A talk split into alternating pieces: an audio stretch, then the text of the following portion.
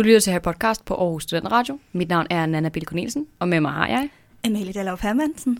Og special guest i dag. Frederik Thorning Frederiksen.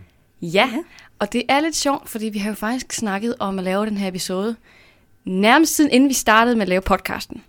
Så vidt jeg husker, fordi Frederik er jo en af vores øh, gode venner, som ved rigtig meget om Harry Potter. Og jeg vil næsten våge på at påstå mere, end mig og Amalie gør.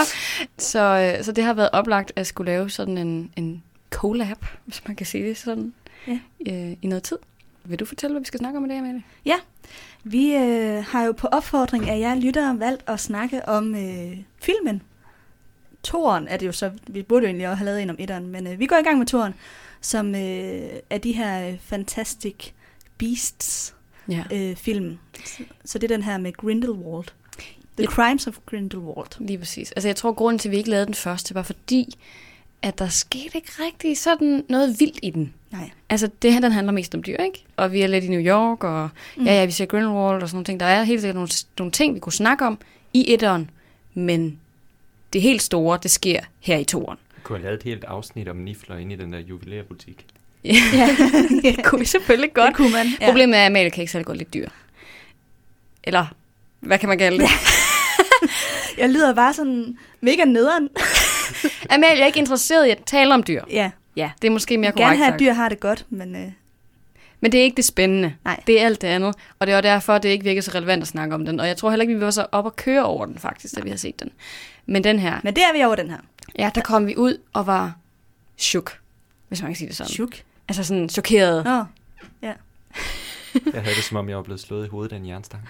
Ja. I flere altså, dage. Altså, du havde jo set den, inden du så den sammen med os. Vi havde alle sammen været inde og set den sammen. Og, og sad så også og diskuterede filmen efterfølgende, fordi Amal og jeg havde jo ikke set den. Og det er fuldstændig vanvittigt, det der sker, og alle de afsløringer, der kommer, og man, man, har, man kan slet ikke rumme det, når man først har set den. Og det vil jeg ved på, der er også rigtig mange af jer andre ude, der lytter, som har haft det på samme måde som os. Mm. Ja, der, fordi der sker ret meget i den her film. Jeg synes, vi skal starte med lige at sige, at øh, det her afsnit, der kommer vi til at lave spoilers. Så for jer, der ikke er interesseret i at høre, hvad der sker i filmen, så stop nu.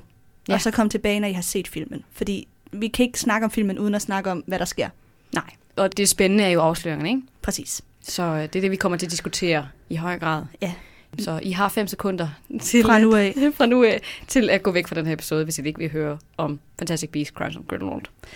Men øhm, inden vi kommer, går sådan videre med filmen, så synes jeg lige, Frederik, vil du ikke præsentere dig selv lidt mere? Hvem er du? Hvor mange gange har du læst bøgerne? Hvor længe har du været Harry Potter-fan? Alle de her ting. Jo, jamen øh, jeg hedder Frederik. Jeg er Nana Amalias gode ven, håber jeg. øh, øh, jeg har været interesseret i Harry Potter, siden jeg var, hvad, 4-5 år, fordi jeg har fået læst dem som en god nathistorie i sin tid. Og siden da har jeg læst dem på repeat, sådan de første 200-300 gange. Det indebærer så også øh, rigtig meget lydbog. Jesper Christensen er en, en fantastisk oplæser, så hvis man ikke har hørt lydbøgerne med Jesper Christensen, så synes jeg klart, man skal gøre det. Mm. Jeg faldet lidt af på det på det sidste. Det er faktisk to år siden, jeg sådan har læst dem fra ende til anden. Det er Virkelig? ikke så godt. Ja, ja det, det, det havde jeg ikke troet. Det er første gang, jeg har sagt det til jer. Nu kommer ja. det ud til mm. hele offentligheden. Ja. Det er faktisk det forfærdeligt. Jeg, mindes, jeg er chokeret. Jeg mindes, at du på et tidspunkt har sagt, du vandt øh, en konkurrence om Danmarks største Harry Potter-fan. Ja, det gjorde jeg tilbage i 2011. Det var en konkurrence på Godmorgen Danmark. Og der vandt jeg to billetter til verdenspremieren mm. øh, på den sidste Harry Potter-film. Så det var en fantastisk oplevelse. Vi stod ude ved den røde løber, og jeg snakkede lidt med nogle af skuespillerne. Så det var en fantastisk oplevelse. Jeg mødte J.K. Rowling, Daniel Radcliffe, Emma Watson. Det var ikke dem alle sammen, jeg snakkede med. Fik autografer. Det var Virkelig fantastisk. Hold kæft, jeg er mm, Men det er jo også det, altså, som jeg lagde ud med at fortælle, øh, man kunne overveje, om det måske var Frederik, der skulle have haft en podcast i stedet for os. Fordi at, øh, jeg har på fornemmelsen, at, at du ved lidt mere om universet end os. Jeg tror problemet med, hvis det var mig, der havde en podcast, så ville hvert afsnit være cirka 8 timer langt. Ja. Og, øh, ja. Så jeg tror egentlig, det er meget godt, det er Sådan. Ja. Man kan sige, at vi er i hvert fald gode til at diskutere. Og det er det, vi kommer til at gøre i dag. Og det kan tænkes, at vi lige skal lægge ud med et lille resume. Lidt kort af film 1, fordi lige for at få opfrisket, hvem der er med, hvad det handler om og sådan noget og så et lidt længere af film 2. Ja, lad os Godt. gøre det.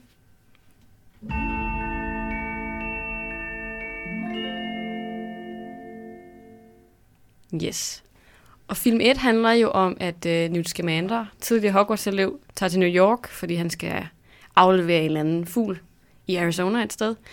Og så skal han, så, mens han er i New York, så sker der en masse ting med den her kuffert, han har med. Alle de her dyr, de kommer ud, og, og så er Grindelwald så samtidig også i New York, og prøver på at identificere den her obscure. Der er sådan en magisk, mørk kraft, som man gerne vil harveste, bruge på en eller anden måde. Ikke? Øh, og det ender så med, at øh, Newt Scamander, han får fanget Grindelwald.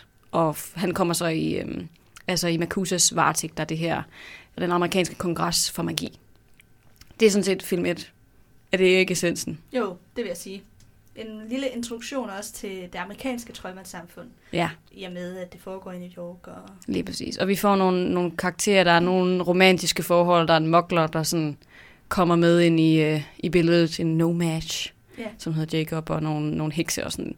Og, og det, det er fint nok. Det er jo sådan set hovedpersonerne i den her film, men for os er de mindre vigtige.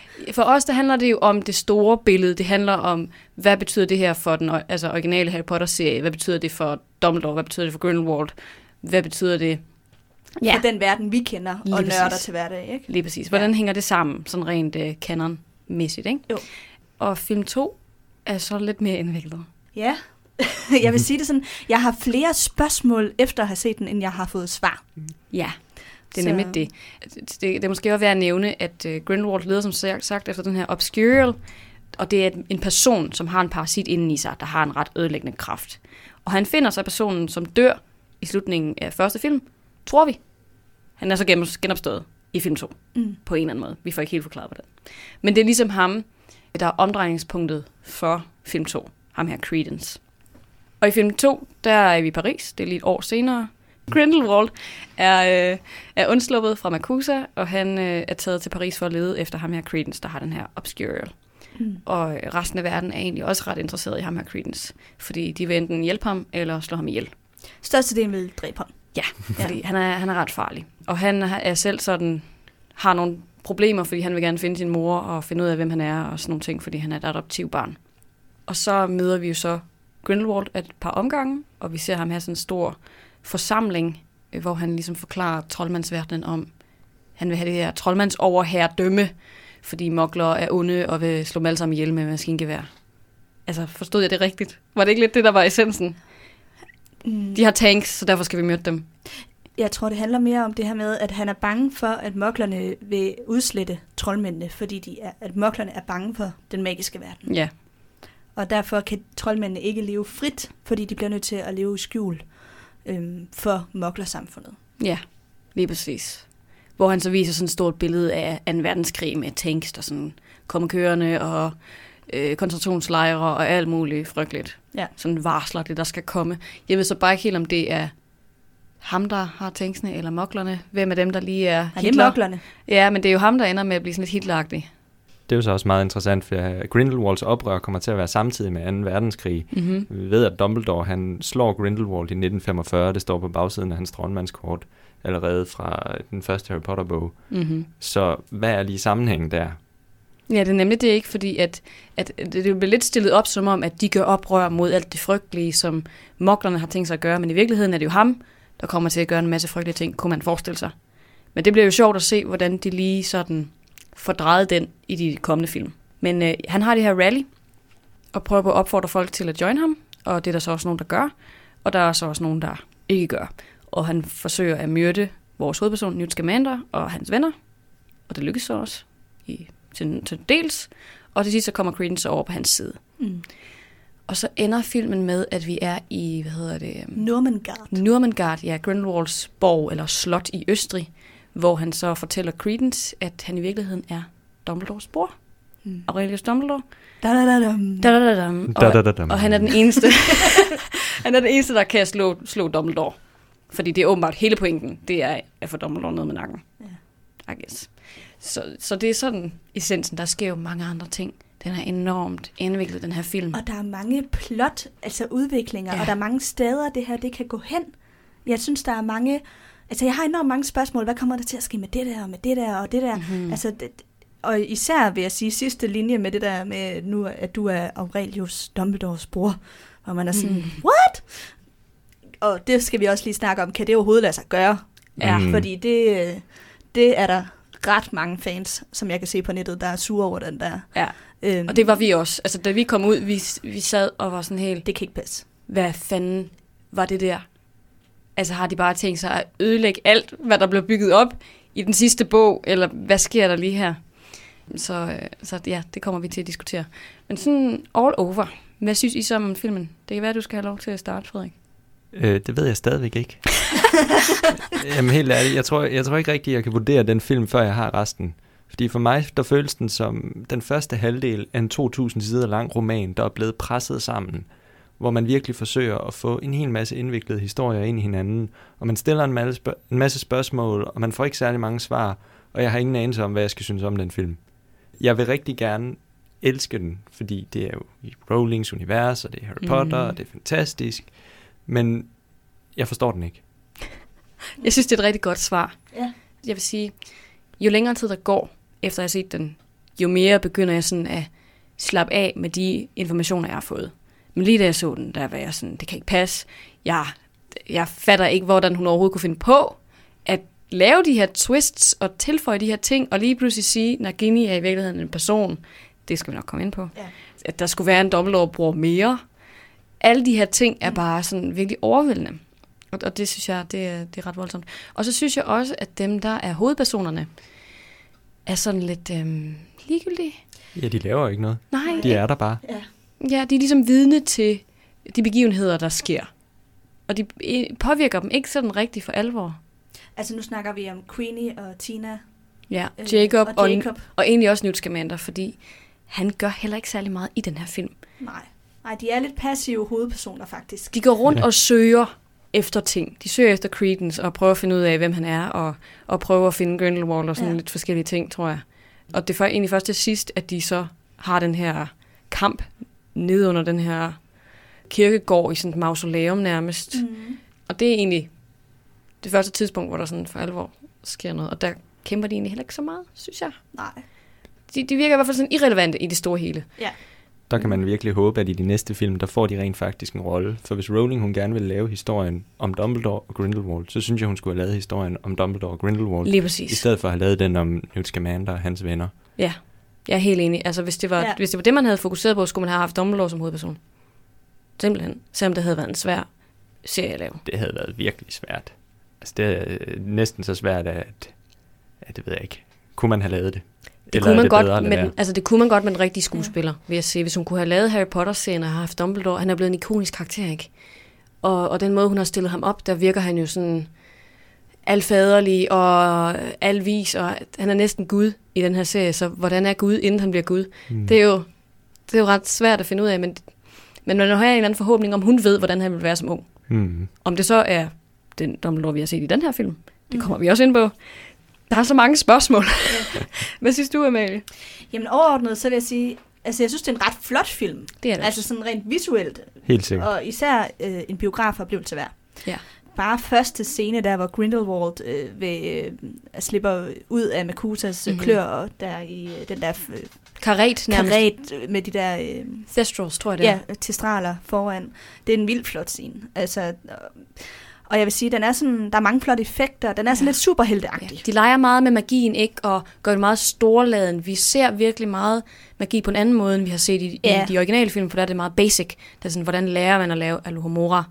Hvordan lærer man at få ting til at svæve? Ja. Sådan nogle ting, ikke? Hvor vi den her, der bliver det bare altså, for fuld udblæsning hele tiden.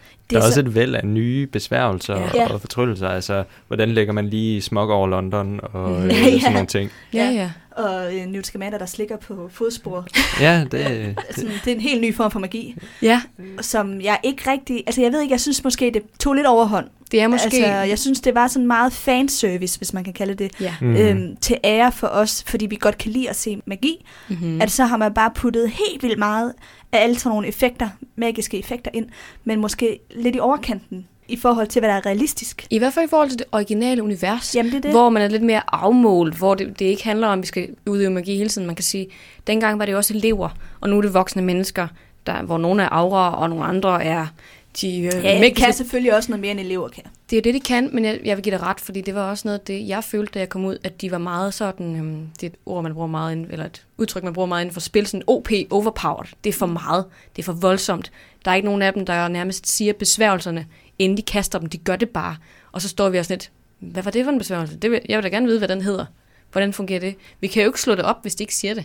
Generelt er der mange af deres besværgelser, de laver uden at sige ordene, Jamen, det er det, jeg mener. som vi ved er ret svært. Ja. Og det, det virker også lidt urealistisk, at så mange er så dygtige troldmænd. Det er det, man kan sige. Sådan en som Newt Scamander er jo også, han blev jo aldrig færdig med Hogwarts. Blev han ikke smidt ud i femte år eller sådan noget? Tredje eller femte. Jeg kan ikke lige huske det. Nej, men, men, men i hvert fald, så tror jeg, med hensyn til Newt Scamander, den køber jeg, fordi han har rejst rundt i hele verden og oplevet lidt af hvert, og han har fået ekstremt meget erfaring, som man ikke får af bare at sidde på en skolebænk. Nej, det er Øh, også rigtigt. Og Dumbledore, han kan selvfølgelig. Det er klart. Ja, ja. Han kan Og. Grindelwald, Mm, mm, ikke? Altså, det, jo. det, det er stærke troldmænd og, og Mm. hekse, vi arbejder med her. Men det er dem alle sammen. Ja, det tager lidt overhånd. Og jeg synes måske især, at det tager overhånd i forhold til, hvad der er plads til i historien. Fordi Ja. det, det virker som om, det, der er mange specialeffekter på bekostning af, at vi mister nogle detaljer i historien, som vi ville egentlig gerne ville have haft med. Mm-hmm. Mm-hmm. Mm. Jeg synes generelt, nogle af de nuancer, der bliver præsenteret for os i første film, altså vi virkelig sådan får set karakteren anden, og ham her Newt, han er meget quirky og sådan usikker, og, og er sådan lidt en type, og hende her Tina, hun er meget streng, og Queenie, hun er sådan lidt skør, og ham der Jacob, han er jo han er en mokler, sådan lidt komisk comic relief, hvis man mm. Mm. kan sige det sådan, ikke? Det forsvinder lidt i den her. Jeg synes ikke, det er rigtigt, der er plads til at bygge videre på de her karakterer. Altså, de er der bare lidt. Og jeg er den eneste, der havde det sådan. Nej, der er også for mange karakterer til, at Mhm. der er plads til at udvikle dem alle sammen, fordi der er jo op mod 13 hovedpersoner. Ja. Og der er nogle af dem, hvor man tænker, hvad laver de egentlig i den her film? Ja, altså man kan nok. sige, en anden hovedperson, der bliver introduceret, er jo øh, Lita Lestrange. Ja. som, øh, som man har en fornemmelse af, faktisk er ret vigtig for den her film. Men man finder aldrig rigtig helt ud af, hvorfor egentlig. Nej. Fordi så dør hun. Det er nemlig det. Eller gør hun. Det er der så også tvivl om. Men øh, hendes historie får lov at fylde utrolig meget i den her mm. film. Hvilket er spændende. Jeg synes, det er dejligt, man jeg kommer synes faktisk, hun tilbage er en god til karakter. enig. Og jeg synes, det er dejligt, at vi kommer ind og hører noget om Lestrange familien. Øh, Det synes jeg er ret interessant med de her gamle troldmandsslægter. Ja. Og hendes familieforhold og sådan noget. Især hvad det ender med, med Bellatrix og, Ja, og alt det her. Ikke? Altså, det er jo den, den ondeste troldmandsslægt nærmest efter Voldemort. Ja, altså hun gifter sig jo ind i Lestrange-familien. Hun er ikke øh, biologisk Lestrange. Er Bellatrix ikke det? Nej, hun gifter sig Er det med... hendes mand? Rodolphus. Ja, Okay.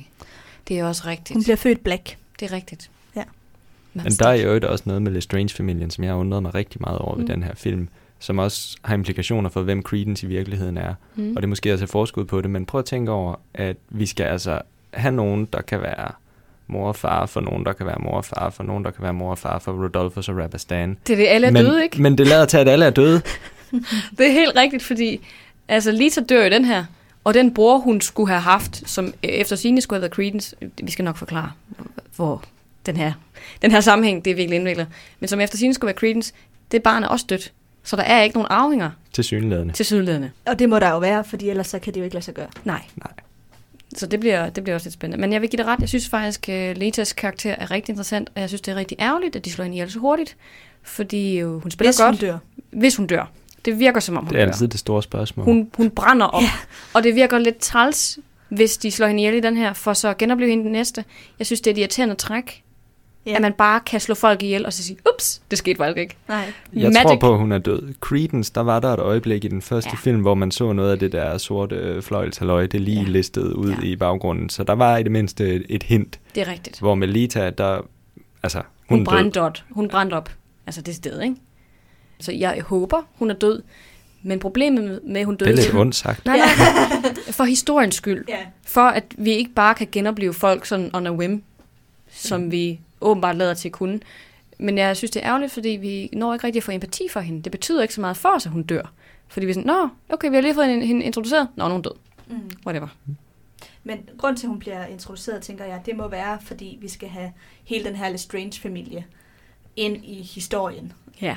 Og så hendes forhold til Newt Scamander, der er også en eller anden kærlighedsrelation, som vi ikke sådan helt får udfoldet. Der bliver aldrig rigtig sat ord på, hvad det er, der er sket mellem dem. Men han har i hvert fald været forelsket i hende på en eller anden måde, og hun har også været forelsket i ham, lavet det til. Mm. Men er det så ikke mere, fordi nu hun forlovet med hans bror? Så det er også sådan lidt, Der er en eller anden historie bag, som jeg havde håbet på, at vi havde fået i den her film. ja, det bliver der i hvert fald lagt op til i film 1. Ja, ja der har også været meget snak om, hvorfor blev Newt egentlig bortvist. Og, og der har været meget snak om, at det er fordi, han har taget skylden for et eller andet, Lita har gjort. Mm-hmm. Men det, det kommer ikke. Nej. Altså, der, der er ingen uddybning i den her film, og nu er Lita død, så Hvad er pointen så med at bringe det op i den næste, ikke? ja. Mm. Det føles i hvert fald lidt sådan. Så vil jeg også sige, at jeg synes, Paris er, for at snakke om noget helt andet, Paris er virkelig flot. Altså det er virkelig fedt, at vi kommer ud og ser de her hovedsteder, og hvordan magien fungerer i andre lande, fordi det var noget af det, jeg manglede i Harry Potter-bøgerne, Harry Potter-filmene, at vi ikke rigtig vidste, om det kun var sådan Ja, vi England. Får, øh, vi får udbygget hele det her det internationale troldmandssamfund. Det er nemlig det, og vi ser sådan deres øh, diagonalstræde, og vi ser øh, et, et troldmandscirkus, og Ja. det øh, franske ministerium for magi og sådan ting. Ja. Det synes jeg faktisk er ret fedt. Vi får ligesom en anden indsigt i magien, Det er rigtigt. Som var ret nice. Kommer de næste film til også at foregå i hovedstaden? Den næste skulle foregå i Rio de Janeiro. Okay. Uh, nice. Den udtaler har jeg sikkert fuldstændig ødelagt, så undskyld til dem, der ved, hvordan man udtaler ting på portugisisk. Rio de Janeiro. Ja. Okay. Det er Ej. i Brasilien, ikke? Det håber jeg, for jeg sagde portugisisk, så hvis Ja. det er Argentina, så burde jeg have sagt spansk. Nu er jeg faktisk lidt i tvivl. Det er en lille smule pinligt. Jeg tror, det er Brasilien. Er det Ja. hovedstaden i Brasilien? Jo, det vil jeg mene. Øhm, Nej, Nej, det er den største by. Det er den Den hedder største by. Brasilia. Ja, det er rigtigt. Det er det der med, ja, der bliver man altid i tvivl. Nej, det er den største by i Brasilien, ja. Mm. Det er sådan, ja, ja. Så har vi det på det rene. Geografi-podcast. ja. Øhm, Men det er fedt, fordi vi har intet viden om Latinamerika. Nej. Nej. Altså, Det vi har rigtigt. kun Eu- Europa og en lille smule om Mhm. Afrika og en lille smule om øh, USA. Det, kan være, at vi kommer til Afrika, og så måske afslutter i Asien. det kunne være Det kunne være fedt. Ja. Altså at få sådan et magisk verdenskort nærmest ud af de her film. Det vil jeg være glad for. Jeg havde ellers håbet på, at nummer 4 ville foregå i Aarhus. Ja, det kunne være nice. Problemet er, at vi hører ind under Durmstrang, og jeg, Ja, det er lidt akavet. ja, de virker sådan Tror du lidt- ikke, der er en lille troldmandsskole i Danmark? Sådan? Jo. Eller op i Sverige et eller andet sted i sådan en, i sådan en rød bjælkehytte eller et eller andet. Åh, oh, det kunne faktisk være rigtig fint. Det kunne være meget Der hyggeligt. vil jeg gerne gå. Ja. Være ude i sådan en skov og møde nogle elge og sådan noget. Det kunne være meget godt. Jeg tænker, vi øh, skal gå videre med nogle af de her øh, spørgsmål, vi har Ja, til filmen. ja, det er rigtigt nok. Det første, jeg synes, vi skal snakke om, det er, hvad er en obscurial? Fordi det er så grundlæggende for den her film, Mm-hmm. og de efterfølgende har jeg en fornemmelse af, ja, altså kort sagt, det vi får at vide i filmene, det er det her med, at det er et øh, magisk barn, som får undertrykt sin magi, og så vokser der sådan en parasitagtig sort øh, ting inde i den, som er en form for ukontrollerbar magi. Og normalt så dør de her børn ret ungt, men Credence er så øh, lidt speciel, fordi han har overlevet så lang tid. Ja, han må have nogle særlige kræfter af en eller anden art, hvis han kunne det. Hvordan forstår I det der parasitagtige øh, fænomen? Jeg tror, det er lidt ligesom, at man skal se det som måske en mental sygdom, at jo mere du bliver undertrykt eller abused, jo mere frustreret og sådan fucked bliver det inde i dit hoved. Sådan lidt, hvis I kan følge mig. Ja. Ja, ikke? At det, man, det er sådan frem, men det er noget mental sygdom, man på en eller anden måde yeah. får, bliver tvunget, altså bliver fremprovokeret i en, hvis man kan sige det sådan. Det er bare det her parasit. Altså, hvad, det er jo... en- Altså, Jeg tror ikke, Ja, det er noget, man kan fjerne fra dem. ja. Ja. Er det ikke det, Newt gør i den første film? Han, Men hun dør jo. Ja, hun dør af det. Ja, ja, men han fjerner den stadigvæk. Det, han har den jo med sig. Ja, Ja, man kan sige, at vi ser jo ikke, hvordan han fjerner den. Om han tager den af hende, efter hun er død, eller om hun dør i forsøget på at fjerne den fra Det er hende. det her barn, han prøver at redde, som er, også er en jeg tror, hun dør i i et forsøg på at- at fjerne den fra hende. Okay. Jeg ser det nok lidt som en, øh, en, en analogi til, hvad skal man sige, jeg synes mange af de, de problemstillinger, som Rowling stiller op gennem Harry Potter-bøgerne, som for eksempel det at være en varulv, det har tit været set som en analogi til blodsygdomme. Og det her, det ser jeg måske til en analogi til, at hvis man ikke, hvis man prøver at, at holde nede, hvem man i virkeligheden er, så på et eller andet tidspunkt, så eksploderer det. Og i det her tilfælde, så er det så, at man ligesom holder sin magi inde, men der er der rigtig mange tilfælde og historier om mennesker, der har forsøgt at skjule, hvem de er, fordi de af en ene eller anden grund er blevet undertrykt af deres mm. samfund, af deres religion, whatever. Og det, det går bare af helvede til, når man Ja. gør sådan. Mm. Så, så det synes jeg, det er en fantastisk analogi til sådan nogle ting. Det er rigtigt. Men hvordan det så kommer i spil med øh, ordet parasit, det er så et andet Det spørgsmål. er måske bare for Ja. at gøre det lidt nemmere at forklare for os, at det ikke nødvendigvis er en fast del af den magiske person, men noget, der Der er ligesom, opstår ja, i dem som en eller anden form for bakterie eller paras- parasit eller et eller andet. En, en sygdom, som opstår Mm. i dem. Jeg var lige inde og- og søge på Obscurial i går, Mhm. mm-hmm. som forberedelse til det her afsnit. Og der kom der mange spekulationer frem omkring, om Ariana, altså Dum, øh, Albus Dumbledores øh, søster, Ja. om hun var en Obscurial. Fordi hun, øh, historien bag hende er jo det her med, at hun som øh, barn bliver mobbet af nogle øh, mokler, fordi hun... Øh, Så hun bliver overfaldet decideret. ja, det kan godt være. Hun bliver overfaldet så af nogle mokler, som, øh, som driller hende, fordi at hun har magiske kræfter, og det gør, at hun øh, lukker sig ind i sig selv og ikke vil bevise sine kræfter længere. Og det vokser sig jo også større og større for hende, og det ender med, at hun ved et uheld kommer til at slå deres mor Kendra ihjel. Mm-hmm. Men, men tror I også, at hun var en, en obscurial? Det tror jeg helt sikkert, hun er. Ja. Øh, fordi det er den eneste måde, det giver mening for mig, at Grindelwald er så besat af Obscurials.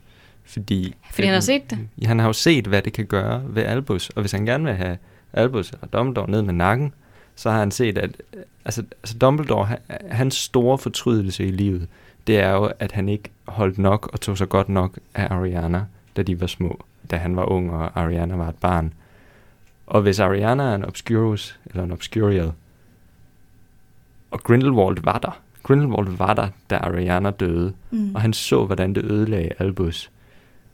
Så for mig, så giver det rigtig god mening, at Grindelwald, han vil bruge det til at få Dumbledore ned med Mm. nakken. Altså Albus Ja, Dumbledore ja, ned med ja. nakken. Det giver også mening i forhold til, hvorfor J.K. Rowling har valgt at fokusere på det her med obscurials. Ja. Altså i forhold til, at det er noget, vi har fået præsenteret lidt, Uden rigtig uden have- at rigtig have fået det præsenteret, men vi, vi har fået nogle hints til, at der var et eller andet med Ariana. Hun fejlede noget, og hun blev skjult for omverdenen, mm. og man var lidt, øh, der var et eller andet, og, og det her med, at hun kommer til at slå deres mor ihjel, at hun ikke helt kan styre sine Noget kræfter. ukontrollerbar magi. Det tror jeg også, de decideret forklarer, at det var det, hun havde. Ikke? Jo. Og det lyder rigtig meget af det her. Så det lyder sandsynligt, at hun også skulle være en obscurial. Det tænker jeg også, altså, Men det er også, altså hun var jo blevet decideret traumatiseret af den her oplevelse. Fordi hun har jo haft en kærlig familie, mm. som har fremelsket magi, i hvert fald i Albus Dumbledore, og også hans bror Aberforth på en eller anden façon, ikke? Så hele familien har jo egentlig været magisk. Så det må have været et kæmpe traume for hende, have oplevet det her med de her moklerdrenge. Og det har jo også været så slemt, at Percival, altså deres far Percival Dumbledore, han går i flæsket på de her mokler, Ja. og jeg mener faktisk, han slår dem ihjel. Mm. Og derfor bliver det? sendt til Ja. Azkaban. Shit. Han angriber dem i hvert fald, Ja, og lever resten af sit liv i Azkaban på grund af det. det er Så rigtigt. der må virkelig være sket noget forfærdeligt. Det er rigtigt nok. Og det leder os lidt videre til spørgsmålet. Kan Credence være i familie med de her søskende? Altså kan han være i familie med Albus, Ariana og Aberforth? Ja. Det er jo, Kan det lade sig jo gøre? spørgsmålet. Altså, jeg vil jo sige, at efter vi har haft hele den her kæmpe store reveal i bog 7 med, at Dumbledore havde den her søster, der døde, og han har været traumatiseret over det her i så mange år, og haft altså, problemer med, hvordan han nogensinde skulle elske igen, efter han har oplevet det her med Grindelwald, så virker det mærkeligt for mig, at der lige pludselig skulle komme en ny Dumbledore, som vi ikke har hørt om i bog 7. Altså, man kan ikke gøre det samme to gange. Nej. Man kan ikke bruge det samme trick to Nej. gange i, i, i en historie. Det synes jeg heller ikke. Det er for fæsent. Det er i hvert fald dårligt Altså det her med lige at inddrage en ny bror, Sådan, eller hvad? uha, nu har jeg en søster, som øh, var en obscurus, Mhm. mm-hmm. og så er man i syveren sådan, what, det er da vildt, fantastisk historie, og så lidt senere, så kommer der så, jo, så havde jeg også en bror, der var en obscurus, og det var også noget Jeg lort. havde to! Og, og hvad sker der lige for? Jamen, øh, en obscurus, det kunne vi godt klare, men den næste, ham øh, sendte vi altså til USA på en båd. Det gider vi ikke. Det kan vi ikke klare. Nej. Altså, jeg vil sige, bare det faktum, at den er brugt igen, som du siger, det vil jeg sige, det afholder mig fra at tro på, at han skulle være Albus' bror. Ja. Ja. Det er simpelthen for latterligt. Altså, det vil være dårlig fortælleteknik, simpelthen, synes jeg.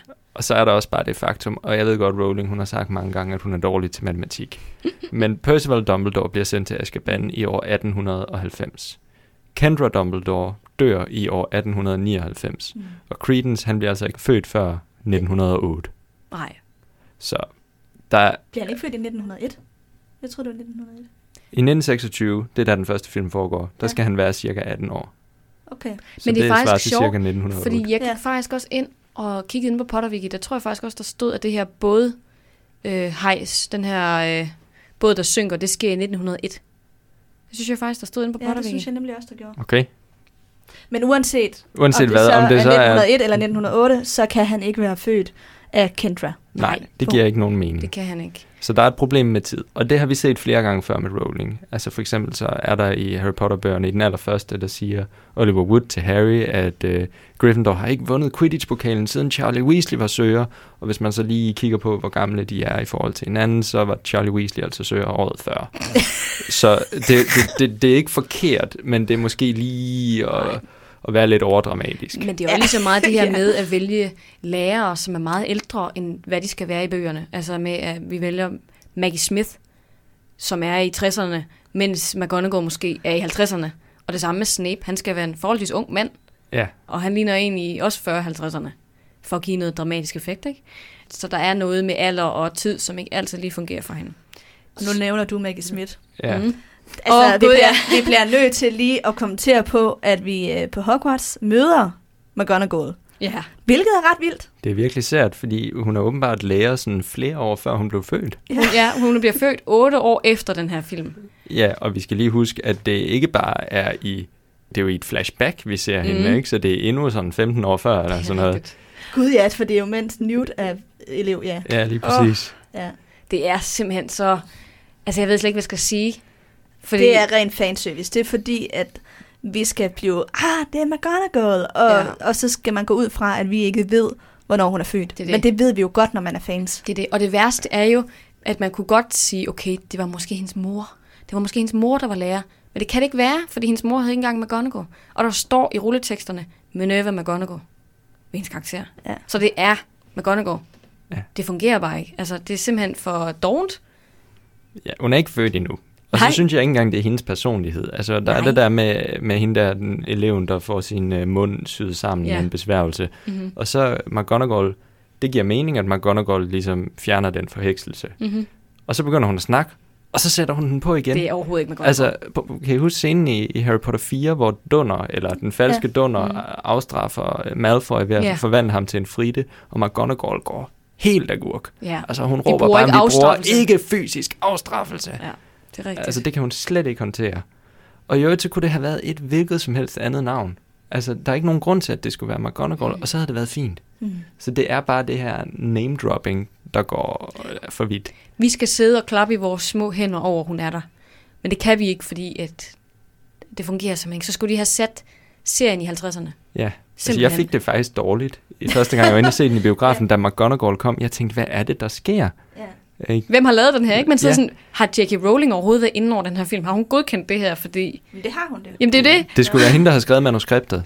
Ikke? og det er det, der er det værste af det hele, ikke? Ja. Det, jeg lidt savner, det er, at øh, den redaktør, der i sin tid har lavet korrektur på Harry Potter, kunne godt lige blive ansat som mellemled, for der går altså et eller andet galt.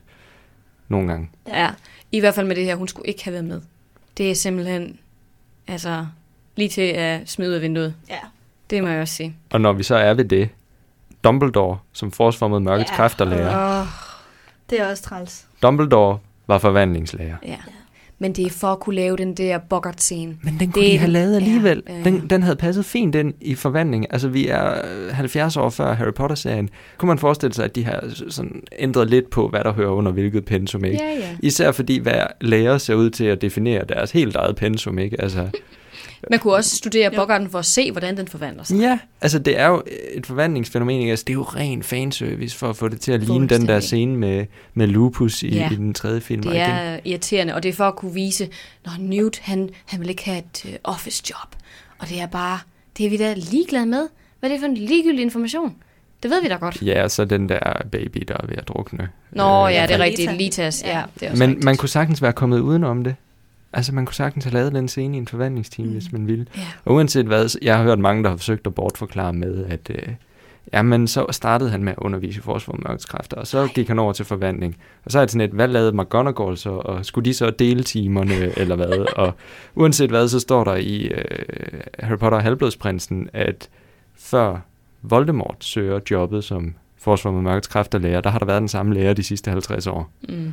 Galatea Marythort, eller Galatea Fro, tror jeg, hun hedder på dansk. Så der går altså bare et eller andet helt galt. Ja, Det er så der har vi faktisk et klokkeklart bevis på, at Dumbledore ikke kunne have været den Ja. der. Nej, Det er decideret fejl, der er lavet. Ja. Og jeg ved godt, at det er J.K. Rowlings værk, Men hun har sat det op på en måde, så der er nogle ting, der kan lade sig gøre, og der er nogle ting, der ikke kan lade sig gøre. Mm. Og de her ting kan ikke eksistere inden for det her univers. Med mindre, at de har haft en tidsvinder, og er taget tilbage i tiden for at ændre på altså, Men historiens gang. kan Ikke? ikke uh, gå så langt tilbage jo. Nej, det er også rigtigt. Det kan de vel i Cursed Child. Sandt. Korrekt.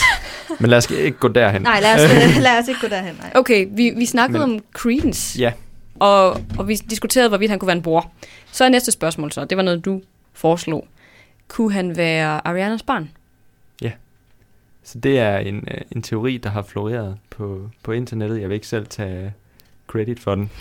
Som er, at det forfærdelige, der nu skete for Ariana med de her tre moklerbørn, der angriber hende.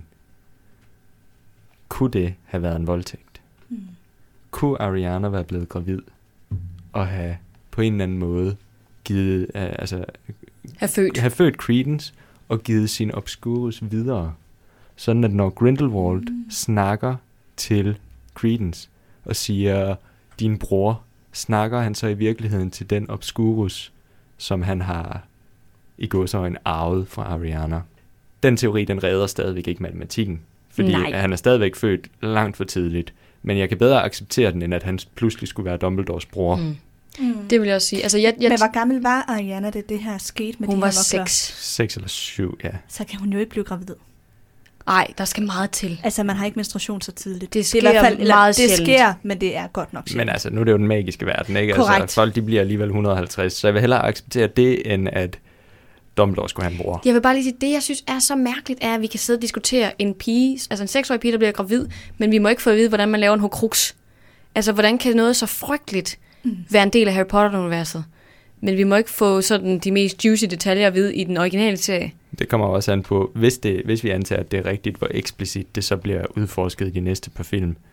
Ja, det er jo rigtigt. Men, men jeg synes, det er virkelig en voldsom ting lige pludselig at inddrage et lille barn, der er blevet voldtaget og skulle føde et barn, når man selv er det, Mm. i forhold til de senere film, hvor der, altså, vi får næsten ikke diskuteret sex overhovedet. Men der er også en anden mulig forklaring, som jeg læste. Det er heller ikke mig, der har fundet på den. Det var også en, jeg fandt inde på nettet. Og det er, at øh, Credence er søn af Percival, øh, Albus' far, mm. og dermed hans halvbror, fordi Percival skulle have haft lidt sjov med nogen inde i Azkaban. Jeg tror, det er en lille smule svært at have sjov ind i Azkaban.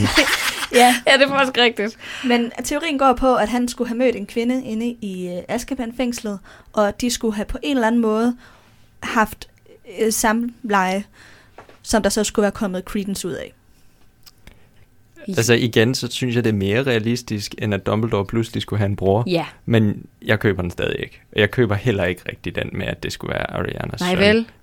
Jeg tror personligt, at det mest sandsynlige, det er, at Grindelwald lyver. Ja, ja det Fordi tror jeg det er det, han har brugt to film på at gøre. Ja.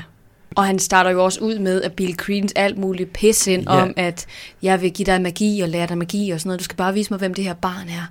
Og så det øjeblik, han tænker, nu har jeg ikke brug for dig mere, så dumper han ham. Mm. Ja, og hvad sker der i øvrigt lige for, at Grindelwald bruger hele den første film, han aner ikke, hvor gammel barnet er, han aner ikke, om det er en dreng eller det er en pige, men i film 2, der ved han lige pludselig alt.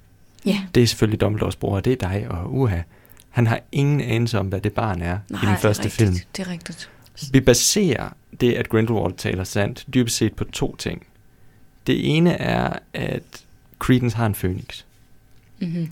Fordi der er den her, de snakker om i løbet af filmen, den her, at der er en legende i Dumbledore-familien, at en fønix altid vil komme til et medlem af Dumbledore-familien, Mm. øh, når de har brug for hjælp. Ja, lige præcis. Men hvor i alverden kommer den fønix fra?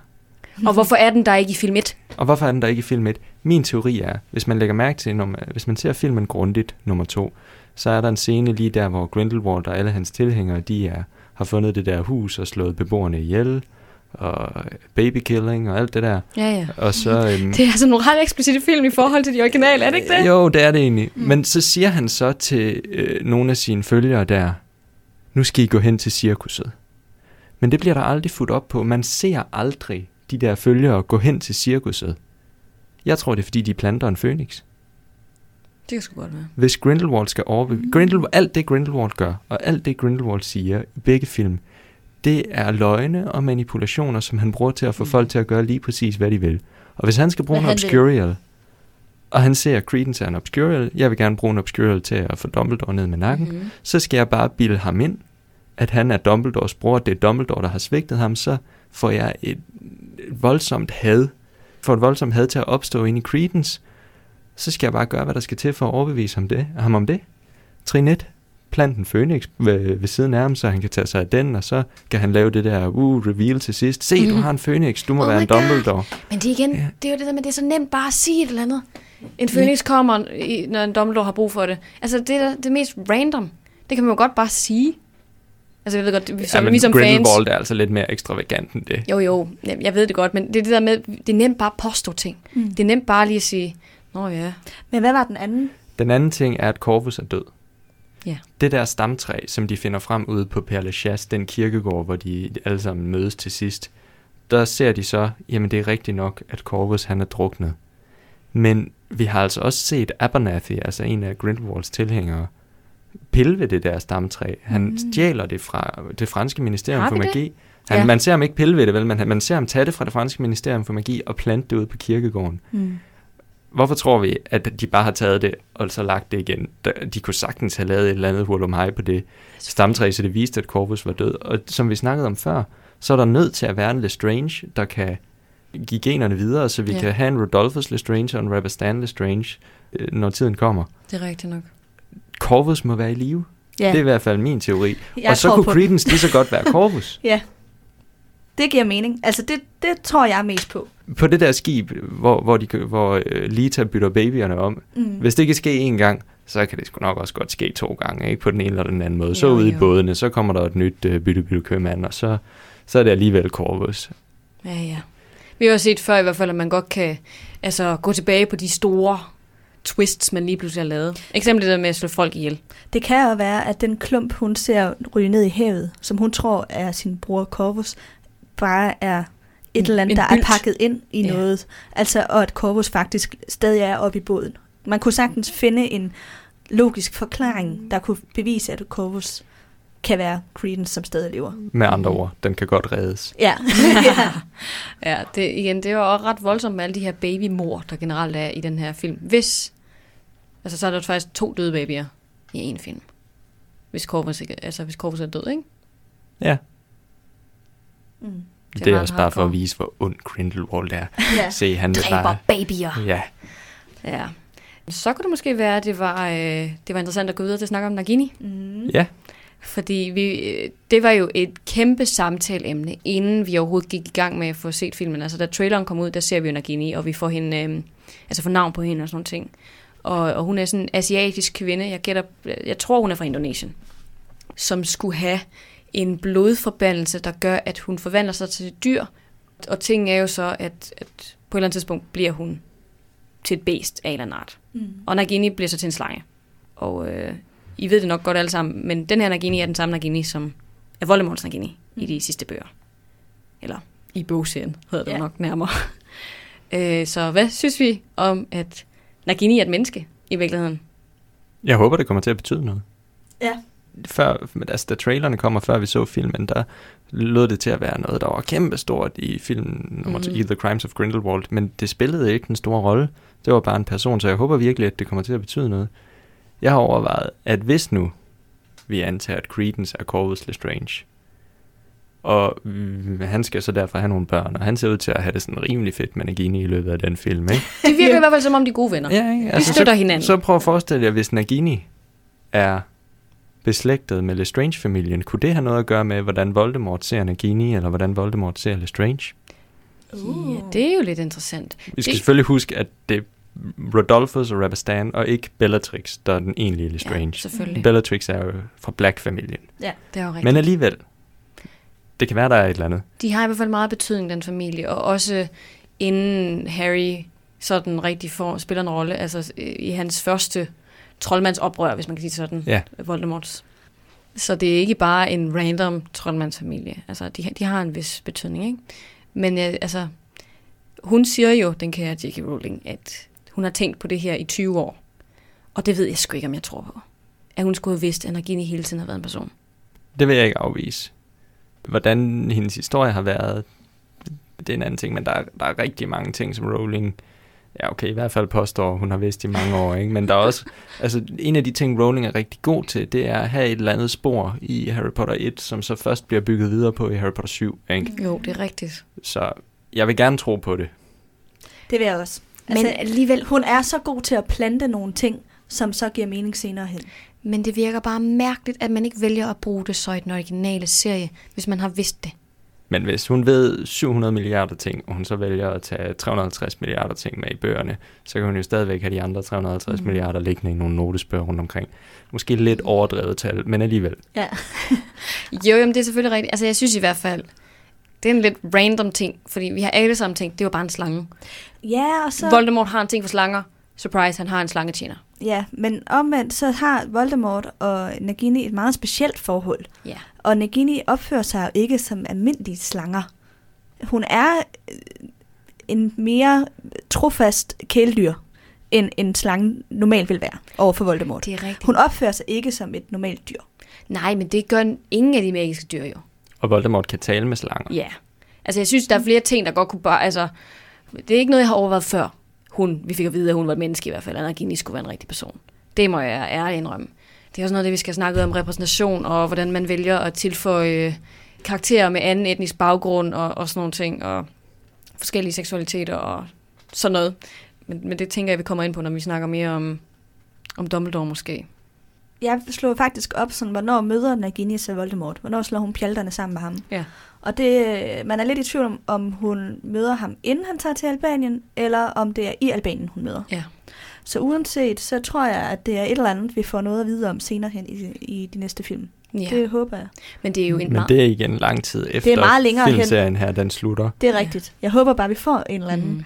forklaring på, hvordan hun finder sammen med Voldemort. Hun skal spille en eller anden rolle i den her serie. Mm. Ja, for ellers så giver det ikke nogen mening at introducere Ellers er det fuldstændig ligegyldigt. Ja. Lige præcis. Men apropos Voldemort, har I tænkt over, at mellem Fantastic Beasts film nummer 1 og nummer 2, der er Voldemort blevet født? Gud, ja, det er rigtigt. Det er da rigtigt. Han Det blev er født nej. 31. december 1926. Gud. Ja. Så jeg har tænkt på, om han kommer til at spille en rolle, i hvert fald den unge Romeo Gåde, om han kommer til at være med i et eller andet omfang. Det tror jeg, han gør. Det er noget af et twist. det håber jeg da. Altså, øhm, spørgsmålet er bare, om, om det kan være på en måde, hvor det giver mening. Og det er ikke bare mere name dropping. Ja, lige præcis. Ja. Det er nemlig også det, jeg tænker, får vi en McGonagall mere? Fordi, hvor, jamen, altså, hvor meget kan han lige gøre? Vi har fået en vi- McGonagall mere, for det er absolut ikke McGonagall, der er det er rigtigt. Jamen, altså, det skal bare gøres på en ordentlig måde.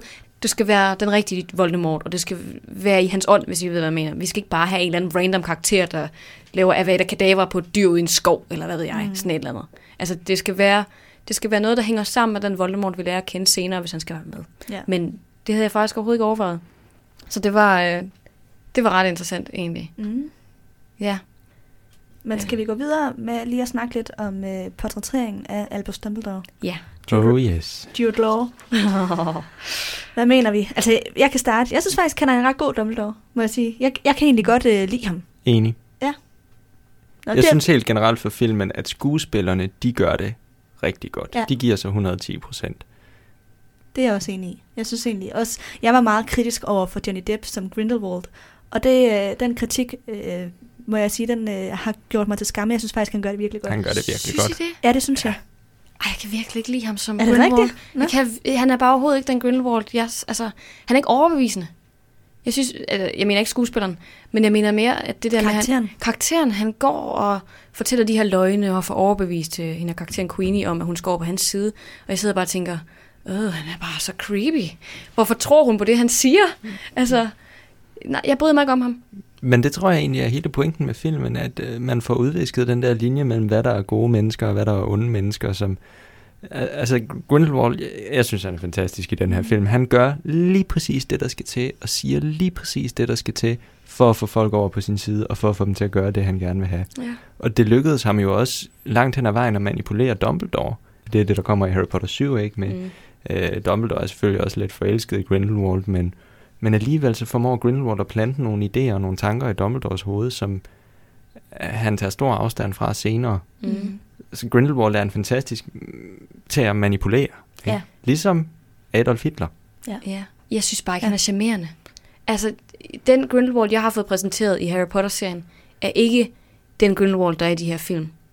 Jeg Synes enig, jeg i, hans frisyr, den er ikke særlig charmerende. Nej, altså, jeg, jeg, han er bare en anden størrelse, og det, jeg, det kan jo godt tænkes, at jeg er farvet af det, der ligger udenom filmene. Det er jeg nok, fordi der er jo en meget stor kontrovers, når vi, når vi snakker om, om Grindelwald-karakteren, at Johnny Depp er blevet anklaget for noget øh, Hustruvold. hustruvold. Og øh, den kom øh, aldrig i retten. Han er i hvert fald ikke blevet dømt for det. Men jeg, jeg synes, det er lidt sjovt at tage en skuespiller med ind i en film, som man ved er blevet anklaget for sådan noget, når man selv øh, går så meget ind for kvinderettigheder og alle de andre ting. Jeg, jeg, det, det er jo ikke sikkert, at det er J.K. Rowling, der har øh, hyret ham. nej, hun har forsvaret valget. Har hun det? Ja, det okay. har hun. Jeg synes måske, at det er lidt mærkeligt. Jeg havde ikke valgt at have ham med, tror jeg. Men hvis vi ser bort fra den fortid, han har, så synes jeg stadig, at han gør det godt. Altså, jeg synes faktisk, den her skuespiller... Jeg synes egentlig, han portrætterer Grindelwald, Grindelwald ret godt. Det må jeg sige. Jamen, det kan godt være. Jeg, jeg, jeg er ikke Jamen, vi behøver heller ikke være enige. Nej, jeg, jeg er ikke med på den. Jeg tror, han ødelægger lidt sådan i den her serie for mig. Mm. At det var ikke den Grindelwald, jeg havde forestillet mig, jeg ville få. Jeg kunne faktisk bedre lide Graves i film 1. Jeg havde hellere haft, det var Colin Farrell med blondt hår, Ja. ja. end... Øh, Jamen, han er Johnny også Depp. vanvittig. Altså, Colin Farrell, han gør det også virkelig godt. ja, han er Øh. dygtig. Det må jeg sige. Jeg, jeg ser i hvert fald også, at Johnny Depp, han er så lav, og ham... Han, han var så ung og lækker i de der flashbacks, vi får i øh, Mm. de originale film. Ham, han er sådan lav og sådan lidt mærkeligt udseende, og har det der øje. Og, ja, jeg ved det ikke. Det var bare ikke det, jeg havde forestillet mig, hvis man kan sige det sådan. Ja, den der kontaktlinse, den er der egentlig ikke brug for. Nej, Nej, det, jeg ved heller ikke, hvorfor han har den. Nej, den har de jo også proppet ind ond. i de der flashbacks. Det var der ikke i de, i, i de oprindelige film, der hvor de har portrætteret Grindelwald. Det er jo ikke de samme skuespillere, der ja. spiller en ung Ja. Dumbledore Grindelwald. det er rigtigt. Det synes jeg egentlig er meget fint. Ja. Ja. Det synes jeg også. Det er rigtigt nok. Men for at gå tilbage til Dumbledore, og jeg, der er sikkert også mange, der er uenige med mig med, det her, med Grindelwald, men jeg føler meget stærkt for det. Ja, det er. Og jeg føler også meget stærkt for det her med Dumbledore. Fordi man har jo et billede af folk og har en idé om, hvordan folk skal være, og vi har også talt om det her med Dumbledores seksualitet, og hvordan bliver det vist i de her film. Og der er jo nogle små hints, hvis man virkelig gerne vil have det til at være hints. Men jeg synes ikke, at han lever op til det, vi får at vide om den senere Dumbledore. Altså, du synes ikke, at det fremgår tydeligt nok, at han er homoseksuel? Det, hvad? og han virker heller ikke som altså den originale Dumbledore. Han har ikke det her flamboyante tøj. Han render rundt i sådan nogle kedelige jakkesæt. Står og slinger sig sådan lækkert op af et skrivebord. Og Virker ikke sådan... Altså, han er ikke sådan skør. Og Dumbledore synes jeg er sådan lidt crazy. Altså, jeg går ikke i det samme tøj, som jeg gik i for 10 år siden. Øh, så du siger, at Dumbledore er blevet mere mærkelig? jeg kan godt forestille mig, jeg kan godt købe, at Dumbledore han har ændret sin, sin tøjstil og sin flamboyance. Så Måske i stedet, i- især, især efter Grindelwald er blevet besejret. Fordi Dumbledore er gennem hele, hele sit liv en meget, meget tynget mand og en meget, meget mærket mand. Og jeg kan sagtens forestille mig, at han i starten af sit liv, eller hvor gammel han nu er her i 20'erne, 30'erne, 40'erne, prøver at skjule sig lidt og prøver at se normal ud, men på et eller andet tidspunkt, der er han sådan lidt, jeg er egentlig rimelig ligeglad, lilla er det min yndlingsfarve. Ja. Og højhælede sko og sølvspænder. Altså, det, jeg synes i hvert fald, det clasher lidt, men vi skal have med de her jakkesæt i forhold til den der troldmandsstil med lange kapper og hatte. Og Der er ikke rigtig nogen, der går med kapper i filmen. Det er egentlig Nej. lidt spørgst. de har alle sammen ja, jakkesæt det er på. rigtigt. Stort set. Det er jo selvfølgelig, fordi det skal passe til tidsånden, og vi er i 20'erne og sådan noget, og sådan, så kan vi tage noget flapper-stil og sådan lidt. Men, men det er lidt mærkeligt. Ja, omvendt så har øh, troldmændene i, øh, altså, i de nyere Harry Potter-film jo lidt mere sådan... Øh, altså, de har jo også en anden stil end moklerne. Så når man kommer ind på den utætte kedel, så går mm. de i Mhm. de her kapper Det er og det, de gør. har de her øh, høje hatte og sådan noget på. Så øhm, ja, på nogle punkter kan man sige, så, så vil det... Det er det der med, at de sådan trækker tilbage til nogle, altså trækker på nogle ældre stilarter. Ja, Det gør de ikke rigtigt i de her film. Der tager de ligesom fat i Men- moden, moklermoden. men det irriterer ikke mig. må jeg sige. Det, det er ikke noget, der fylder så meget for mig. Jeg synes, mi- mit store problem med Dumbledore i den her film, det er ikke Dumbledore i sig selv. Det er den der blodpagt. Ja, Mm. at han øh, skulle have lavet en blodpagt med Grindelwald, Nej, om at det- de ikke må angribe hinanden. Det er en nem måde at for, forklare alt det her følelseshalløj på i hvert fald. Jeg synes, det er for simpelt. Ja. Fordi det indtryk, jeg har fået af Harry Potter-filmene, og det Dumbledore også siger, så vidt jeg husker eksplicit i den, i den sidste bog, sagde jeg filmene før, jeg mente bøgerne, det er, at Dumbledore var ude af stand til at angribe Grindelwald, fordi han stadigvæk følte for ham. Mm. Fordi Ja. han, de havde det her meget, meget stærke, tætte bånd, som han ikke kunne bryde. Mm-hmm. Og nu lyder det som om, efter den her film, at det bare kommer ned til, at de har lavet en, en blodpagt, eller altså jeg forestiller mig, det er lidt ligesom en ubrydelig ed. Ja. Og at hvis han kan ødelægge det der smykke, så kan han sagtens angribe Grindelwald. Mm-hmm. Og det synes jeg er ærgerligt, fordi det fjerner virkelig den fantastiske historie om, at han ikke kan angribe en, han i virkeligheden elsker. Ja. Og det er jo det, Det er hele serien handler om. Kærlighed, og hvordan man håndterer det, og hvordan man, man håndterer ikke at have det, ikke? Så at tage hele følelsesaspektet ud i dom, af Dumbledore, det ødelægger hans karakter. Jeg håber, at de redder den, eller at de, at de bruger den på den måde, at hvis det nu lykkes for Dumbledore at ødelægge den her blodpagt, så kan han stadigvæk ikke. Ja. det at han jeg har bildt sig selv ind, at han ikke kan angribe Grindelwald på grund af den der blodpagt, men når det så endelig lykkes for ham at destruere den, så kan han stadigvæk ikke. Mm. Og det, Det er mit håb. det vil være et, et godt træk. Han kommer jo til at destruere Grindelwald i 45. Ja. Ja, han kan stadigvæk ikke, indtil det bliver så forfærdeligt, at han føler sig nødsaget til det. Ja. Ja, Det er den forklaring, der kommer i Harry Potter. Ja. det er Øhm, rigtigt. Spørgsmålet kan er altså, hvordan det kommer til at ske i virkeligheden. Det kan jo godt være, at Newt Scamander spiller en rolle på en eller anden måde. Forhåbentlig. Og, og gør, at det kan ske. Ja. Man kan sige, at den her film foregår i 1927. Ja. Ja. ja. Og det er i 45, at han slår Grindelwald ihjel. Så der er også et tidsrum, hvor der kan nå at ske meget. Ja, Ja. det er rigtigt. Det er sjovt, ikke? De første to film, de foregår inden for hvad? Ni måneder eller sådan noget. Mm. Ja. Og de sidste tre, de skal så spænde de næste 18 år. Det er alligevel, øh, Ja. det bliver interessant at se, hvordan det udspiller sig. Om det kommer til at være en film, der tager 15 år på én gang, eller de bare laver store spring. Mm. Mm. Eller, og hvordan skuespillerne ældes. Ja, Det glæder jeg mig også til at se, fordi det sjove er jo, for at vende tilbage til Dumbledore, den Dumbledore, vi ser i den her film, versus den Dumbledore, vi ser i flashbacket i, øh, i film 6 af den originale serie, mm. er meget ældre, altså ja. den originale Dumbledore. Hvor Jude Law er meget lækker og ung, så ser han ud som en mand i 70'erne. Ej, 60'erne, måske nok nærmere. han skal i hvert fald lige øh, gråt skæg Ja. og blive rødhåret. Ja, det, det skal han. Der er i hvert fald et eller andet klasse der. Og for lige at vende tilbage igen til, til Dumbledore med hans homoseksualitet og alt det her. Det er jo noget, vi har fået at vide, som ikke står i bøgerne. Ja. Og J.K. Rowling siger, at jamen, hvis man læser mellem linjerne, så kunne der godt være nogle ting. Og det kan vi også godt argumentere for, at der er det her forhold med Grindelwald.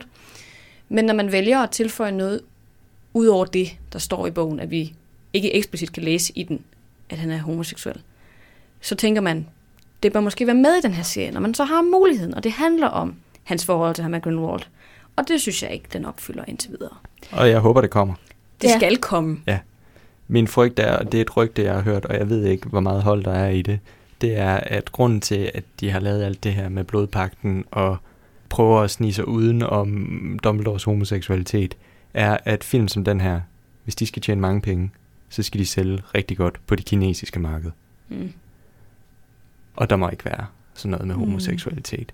Og det håber jeg virkelig ikke er sandt. Det er Nej. også bare et rygte, altså det er ikke noget, de har været ude at sige, dem der har produceret filmen, og det ville de heller ikke være ude at sige, hvis det var Nej, rigtigt. det ville da fuldstændig ødelægge det hele. Ja. Altså, øh, jeg ved ikke, om det er rigtigt, jeg ved ikke, om det har haft en indflydelse, men jeg håber ikke, at Rowling lader sig øh, Påvirke. påvirke af den Nej. slags. Altså, man, når man vælger at sige, nu skal vi være repræsentative, og vi, vi tager nogle diversiteter ind i sin serie, så skal man også leve op til det. Mm. Det synes jeg. Man kan ikke gå og sige, at en af den vigtigste, eller den vigtigste karakter i den her serie er homoseksuel, og så ikke sige det eksplicit. Fordi alle de heteroseksuelle par, der er i den her serie, der får vi det tydeligt vist. Altså, næsten alle har en partner. Altså, jeg var inde og se øh, den her film igen med min far og lillesøster. Og da vi kommer ud, siger far, nej, jeg vidste slet ikke, at Grindelwald og Dumbledore var brødre. Ja, han siger det der med, at we were closer than brothers, ikke? Jo, og, og det har min far så bare forstået som, at de var bare tætte brødre. Der kommer flere og flere... øh, Ja, jeg var sådan, Brødre. så er du så Ja. heller ikke fuldt godt nok med, Nej. øh, fordi det, ja. Jeg hørte også om en, der, der kun havde set uh, Harry Potter-filmen og ikke havde læst bøgerne, der efter den sidste sagde, Nå, jeg vidste slet ikke, at Snape var Harrys far. Okay, okay. Ja. Fuck, hvor griner det.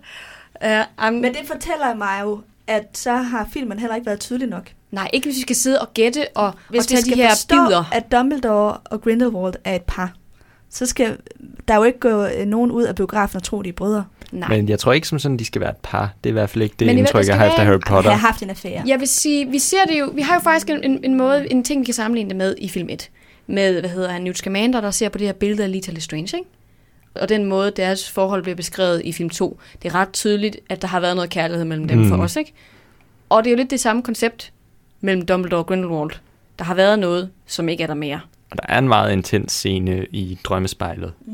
Det er men, der. men det, man skal huske, det er, at Grindelwald og Dumbledore, de var ikke kærester. Det bliver sagt i syveren, at Ja. Dumbledore var forelsket i Grindelwald, og Grindelwald udnyttede det.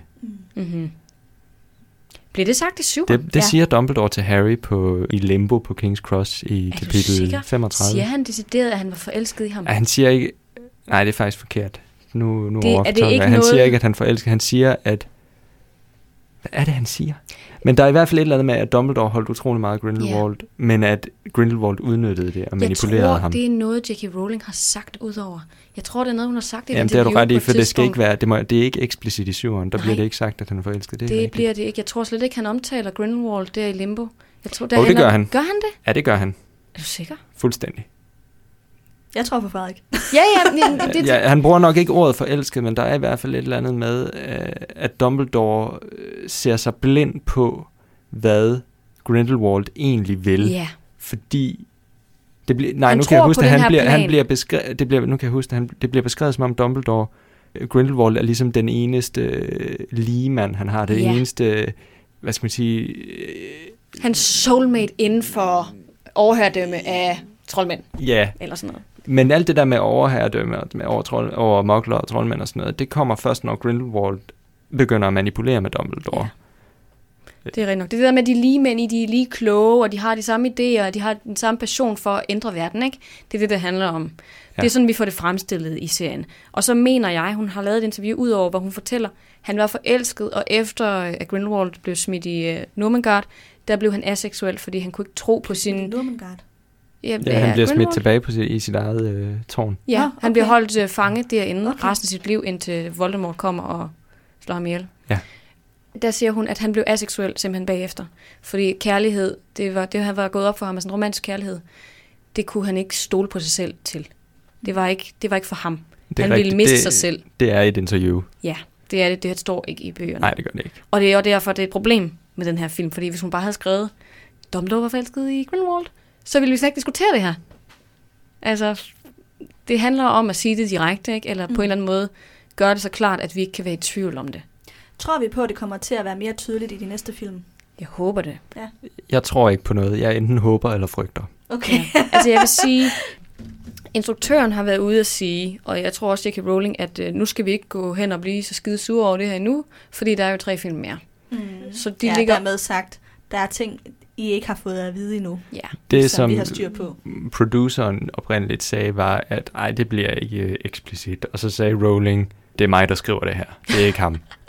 Okay, Så det er et hint. det er et hint til, at det, vi håber. vi håber. Det er i hvert fald noget af det, som, øh, som kan make it or break it for mig, Ja. om det her det bliver tydeligt.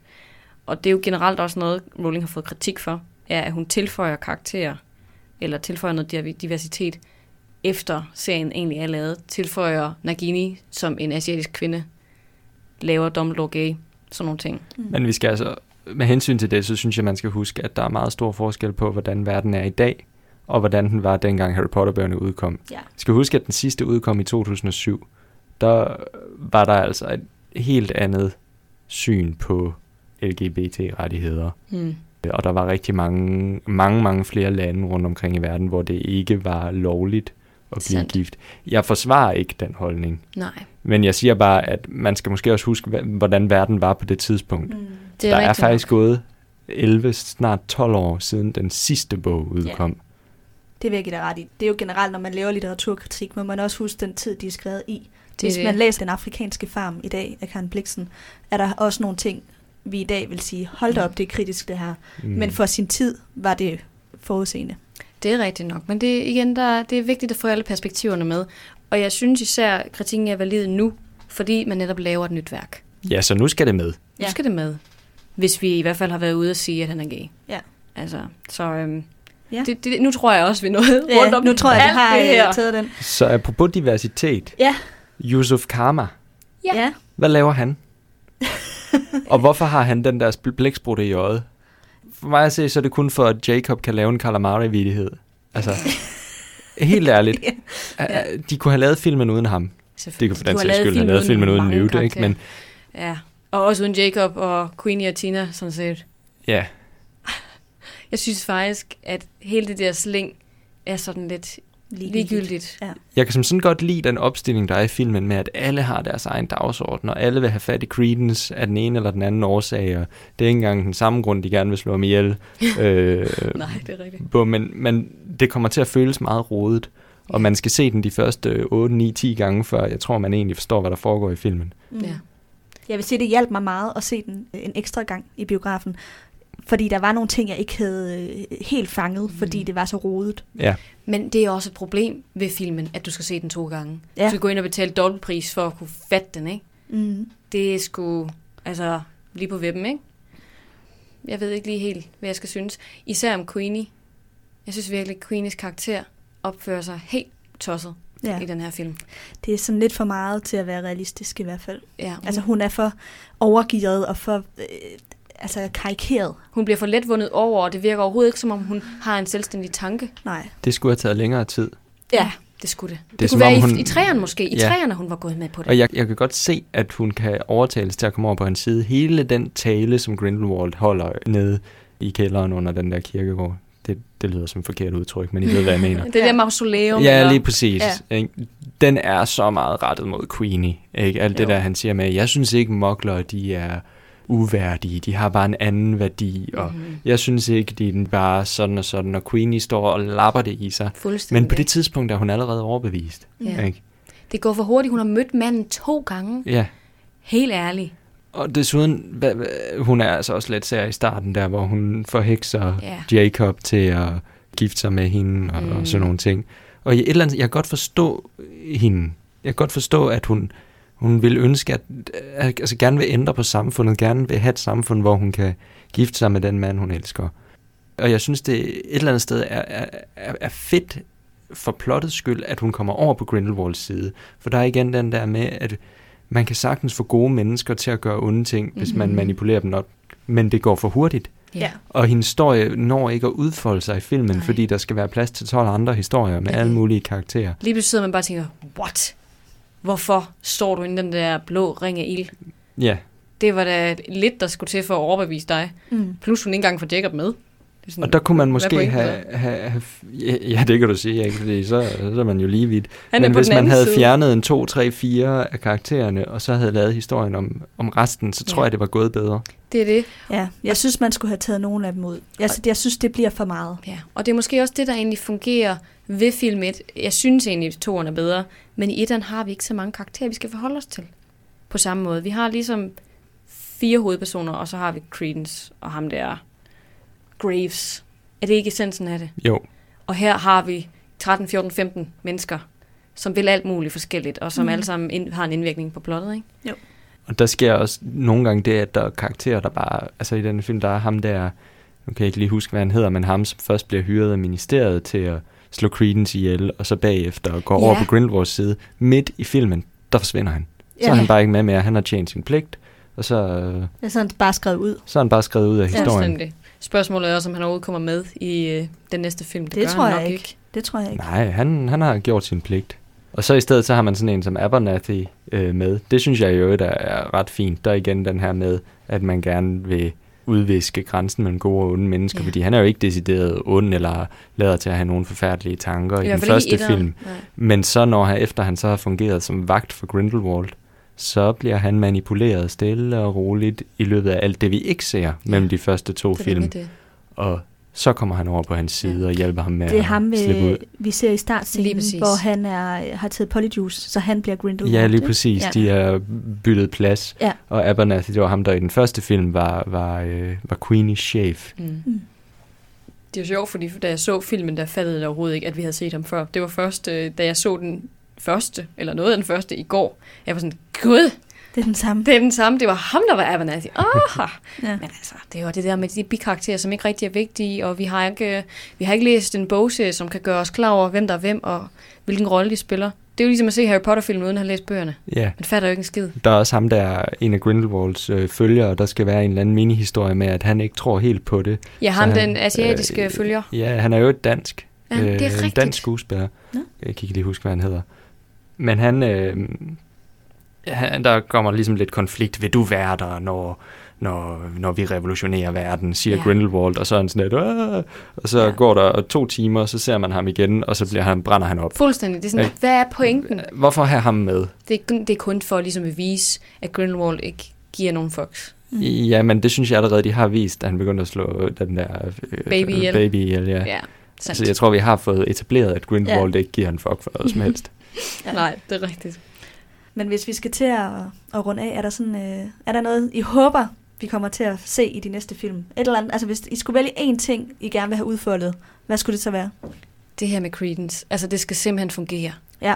Det Ja. tror jeg, det er nummer, nummer et for mig, at hele historien med Credence og hvordan han spiller ind i det her med Dumbledore, det skal være snorlige og fungere perfekt. Det Enig. håber jeg. Du er enig? Ja, altså det med McGonagall og Dumbledore underviser i forsvar mod mørkets kræfter og sådan nogle ting, det kan jeg godt leve med, hvis Credence giver mening. Han skal simpelthen ikke være Dumbledores bror. Nej, det skal han ikke. Det er for underligt. Mm. Det skal, altså, det skal fungere, og der skal ikke være nogen halve løsninger, og vi skal ikke se sådan en, nå, whoopsie, Ja. 20 års tidsforskel gør, at noget lige pludselig kan lykkes og sådan noget. Det skal passe det hele. Ja. Så er jeg glad. For mig tror jeg faktisk, det er øh, Lestrange-familien. For jeg synes, det er mærkeligt at bruge så lang tid på lige til Lestrange i den her film, hvis ikke det får en betydning. Jeg håber, at der kommer en øh, videre fortælling på hele det her Lestrange Ja, i, øh, i den her verden. og også hvordan hun fungerer sammen med Scamander-familien. Ja, og overlevede Corvus er han Credence. Altså, der, Ja. ja. der er jo lige en bånd til det, I sagde, ikke? Ja, Altså, jeg sikkert. tror, det kommer til at hænge sammen. ja. Det håber vi. Det, Det, det håber vi. vi. Ja. Det ser vi om to år, tror Ja. jeg. Er det blevet øh, planlagt, hvornår den næste kommer? November 2020. November 2020. Ja, lige op til jul. Det kan være, at vi skal lave en opfølgning til den tid om to år. Jeg er klar. Det er godt, Frederik. Det er godt at høre. Jamen, øh, skal vi sige tak for i dag? Det var Ja. rigtig godt, og vi håber, at I lyttere fik noget godt ud af den her samtale. Det er jo lidt noget andet, end det vi normalt gør. Lidt mere rodet, fordi det bliver en diskussion Ja. på en anden måde. Men øh, skriv endelig, hvis I har nogle kommentarer til det, vi har diskuteret. Og kan det tænkes, at vi skal gøre lidt reklame for vores workshop Ja, i øh, januar? det. Den øh, 26. januar kl. 11, der Mm. holder vi en workshop på Dok 1 i Aarhus for podcast interesseret. Ja. Det er en workshop, vi har god erfaring med at lave. Vi har gjort det tidligere på nogle, øh, en højskole og også på en folkeskole. Mm-hmm. Så der er sådan lidt forskellige aldersgrupper. Den handler om at sætte hjælpe andre med at komme i gang med en øh, podcast, og Mhm. det gør vi ved hjælp af at dele ud af egne erfaringer. Lige præcis. Så hvis man nu har en kæmpe interesse i at høre os, hvordan vi har gjort med nogle forskellige ting, og få et indblik i uh, behind the scenes, mm-hmm. så kan man også komme og deltage.